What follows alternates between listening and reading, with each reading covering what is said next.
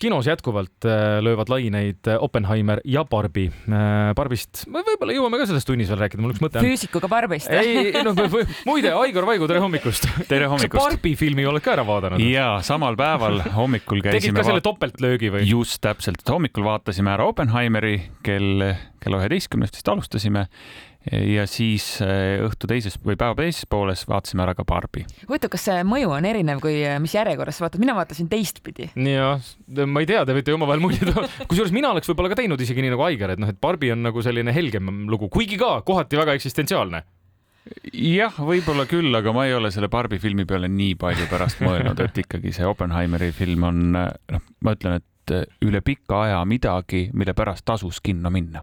no räägimegi, see ongi see põhjus, miks me ju Aigar sind kutsusime siia, sest meie mittefüüsikutena vaatame ja on huvitav ja põnev ja Christopher Nolani filmid on alati noh, detailirohked ja, ja märkimisväärsed ja sündmused omaette.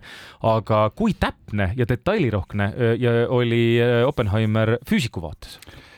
No kuna see Manhattani projekt üleüldse ja, ja kogu see aatomipommi loomine on üks, võiks öelda minu selliseid nagu lemmikprojekte ajaloos, noh lisaks sellele kuulaminek, siis see, kuidas Alan Turing muukis lahti sakslaste selle sifri, noh mm., kõik need teemad, need on nagu põnevad ajaloos ja nüüd, kui vaadates seda filmi, seda Oppenheimeri filmi, siis mõned sellised kunstilised või stsenaarsed, stsenaariumi põnevamaks muutmise liialdused seal on või muutused, aga üldiselt jälgib, järgib see päris hästi Oppenheimeri tegelikku elu ja ühtegi sellist nagu füüsika viga ma seal eh, ei tuvastanud. Võib-olla on, aga esmapilgul midagi silma küll ei jäänud, nii et väga-väga hästi tehtud alustakski sellest, et milline tegelikult oli sinu eelhäälestus või milline üldse on Oppenheimeri maine praeguse aja füüsikute hulgas, et milline mees ta on? no kindlasti laiemale avalikkusele ei ole ta nii tuntud kui näiteks Einstein või Dirac või, või ka Richard Feynman aga ometigi tema selline noh, maine pigem on ikkagi selline positiivne, sest kuigi ta on vastuoluline oma tegevustes ja oma elus olnud, siis noh, ta aitas väga palju seda teadust edasi, et näidata ära, et tõesti ideest võib midagi valmis teha ja selles mõttes on tema maine pigem positiivne, aga vastuoluline aga ma tean, et Nolan ise ütles seda, et, äh, et asi, mis teda paelus üldse või miks ta on Oppenheimerist nii pikalt tahtnud või tahtnud filmi teha, on just see Trinity test, kui me tuleme selle Manhattani projekti juurde. Ja ma saan aru, ma kirjeldan, sina ütled, kas see on õige või ei ole, kuidas mina sellest aru sain. sisuliselt oli hetk, kus, äh, kui nüüd hakati tegema, Trinity test oli see siis, kui esimest korda katsetati, eks ole, kas see kõik töötab ja toimib. Äh, oli üliväike protsent, aga siiski oli, et ma, me põletame ära atmosfääri ja maakeraga kui sellisega on kõik, lõpp ja just see moraalne hetk või see valik, mille ees nad seisid, et kas minna sellega edasi või mitte minna ja nad otsustasid ikkagi minna. no mm, see mõte või, või see hüpotees, et äkki, äkki tekib selline ahelreaktsioon atmosfääris, et noh, kogu atmosfäär läheb nii-öelda põlema, siis see mm, käis läbi ikkagi varem kui hetk enne seda mm. Äh, lõplikku katsetust. ja, aga kui sa ei tea, mis saama hakkab, siis tuleb ette appi siin teaduslik meetod, võta oma teadmised, loo mudel ja rehkenda. ja selle rehkenduse nad läbi tegid ja filmis minu meelest on ka päris hästi öelnud, et eh, nullilähedane on see eh, šanss, et me midagi teeme. Ja null oleks parem, nagu ütleb selle peale Damon tegelikult täpselt, aga teoorias sa paremat tulemust ei saa, sest alati võib olla midagi, mida sa jätad rehkendamata, aga niimoodi see asi peaks suures plaanis kokku, kokku jooksma kas sul tekkis äh, filmi vaadates tunne, et äh, sa oleks tahtnud elada selles äh, ajas? Ma ei tea, arvestades nii-öelda enda võimekust, siis pigem mitte, sest ma kindlasti ei ole nii võimekas kui kõik need osalised, kes, kes seal nendes projektides olid, sest ikkagi maailma, võiks öelda, kõige helgemad pead olid tollel hetkel või üldse tolles ajaperioodis, kui see kvantmehaanika hakkas arenema ja selle pealt sellised maailma muutvad avastused ja, ja ka katsed tehti. Et tõesti, kindlasti oli see põnev, aga ma ei pea ennast nii heaks, et äh, oleksin, tahaksin seal olla. aga see oli siis tõesti nii, et sel hetkel olidki, et nii seda, mida ka film näitab, et need nimed, mida me oleme tänaseks päevaks kuulnud, need olidki reaalselt need mehed seal koos selle projektiga. no see on nagu, noh, ma ei tea, kui hea paralleel tuua on, see on nagu äh, Avengers, et sul on kõik superkangelased ühes filmis koos, see on nagu füüsikute Avengers, et sul tõesti on kõik tonnased superstaarid seal koos. just täpselt, nii see on ja mitte ainult äh, mehed, vaid väga palju ka naisi, aga noh, ajastule kohaselt naised pigem olid tagaplaanil.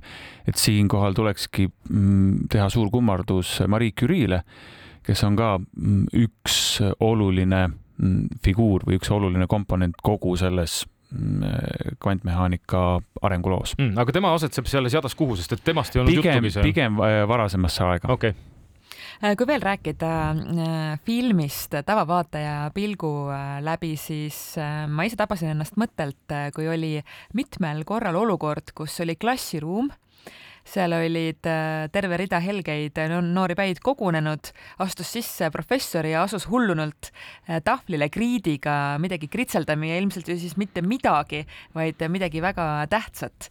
et sa muigad juba, aga, aga minu küsimus on, et äh, kuivõrd realistlik on selline situatsioon tänapäeva kontekstis, et kas meil on ka nii, et kusagil, ma ei tea, ülikoolis füüsikateaduskonnas sõna otseses mõttes professor pöörase tempoga kritseldab äh, mingisuguseid arvutuskäike või valemeid. geniaalne idee. jah no mitte ainult professorid, vaid ka dotsendid, nooremteadurid, vanemteadurid, doktorandid, kõik teevad seda ja ma võiks öelda, et ülikooli mõte see ongi, sest ülikooli tulevad kokku inimesed, kellel on mingi teema vastu huvi.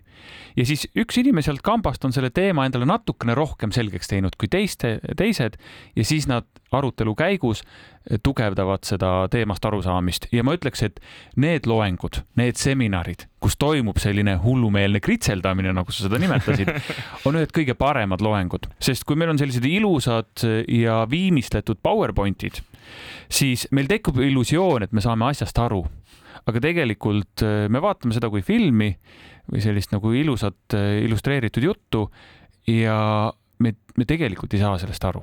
et äh, selleks, et asjade tuumani jõuda, on vaja nad niimoodi emotsiooniga ja intensiivselt läbi, läbi rehkendada, läbi kirjutada sest noh, meie aju ei tööta niimoodi lineaarselt, vaid hüppab ühest kohast teise, võib-olla ka siin seesama Oppenheimeri film, et Nolan selle niimoodi ajas hüppavana tegi mm. ja ju ka see pildi keel väga palju muutus, olenevalt, kes justkui seal oma lugu rääkis, siis see pigem kirjeldab seda, kuidas inimese aju eh, võiks sellele teemale mõelda kas äh, sina, Aigar, oled ka vahel näiteks, ma ei tea, kohvikus kusagile salvräti servale midagi kritseldanud, mis puudutab siis füüsikat? Ja ise ja oma kolleegidega, mitte päris kohvikus, aga mõnes pubis kindlasti me oleme seda, oleme seda teinud ja et vältida salvrätikuid, siis ma alati kannan endaga kaasas ühte märkmikku muide, ma pean küsima, sa juba natukene puudutasid seda teemat, sedasama visualiseerimist, sest äh, üks, mida ka Nolan ju ütles, et, äh, et tema eesmärk oli ka näidata, mis toimus Oppenheimeri peas visuaalselt. et kui äh, siin vahepeal tekivad need, ma ei tea, osakeste liikumised ja kõik muu säärane, tundub see midagi sellist, mis ka Aigar Vaigu peas nii-öelda kuidagi nagu füüsikuna ette, ette kujutab või see on lihtsalt selline, ma ei tea, kunstiline liialdus, et oleks ilus. No ma arvan, et see ei ole kunstiline liialdus, et eh, noh, see meie kujutlusvõime või kuidas me asju visualiseerime enda jaoks, et iga inimese jaoks on see erinev ja ju siis see oli Nolani tõlgendus mm.. jah, kui ma ka ise mõtlen mingisuguste asjade peale, mis ma tihti püüan seda, noh näiteks mõne, mõnda eksperimenti, kui läbi viia. nüüd olen neid vähem teinud, aga mõni aasta tagasi rohkem.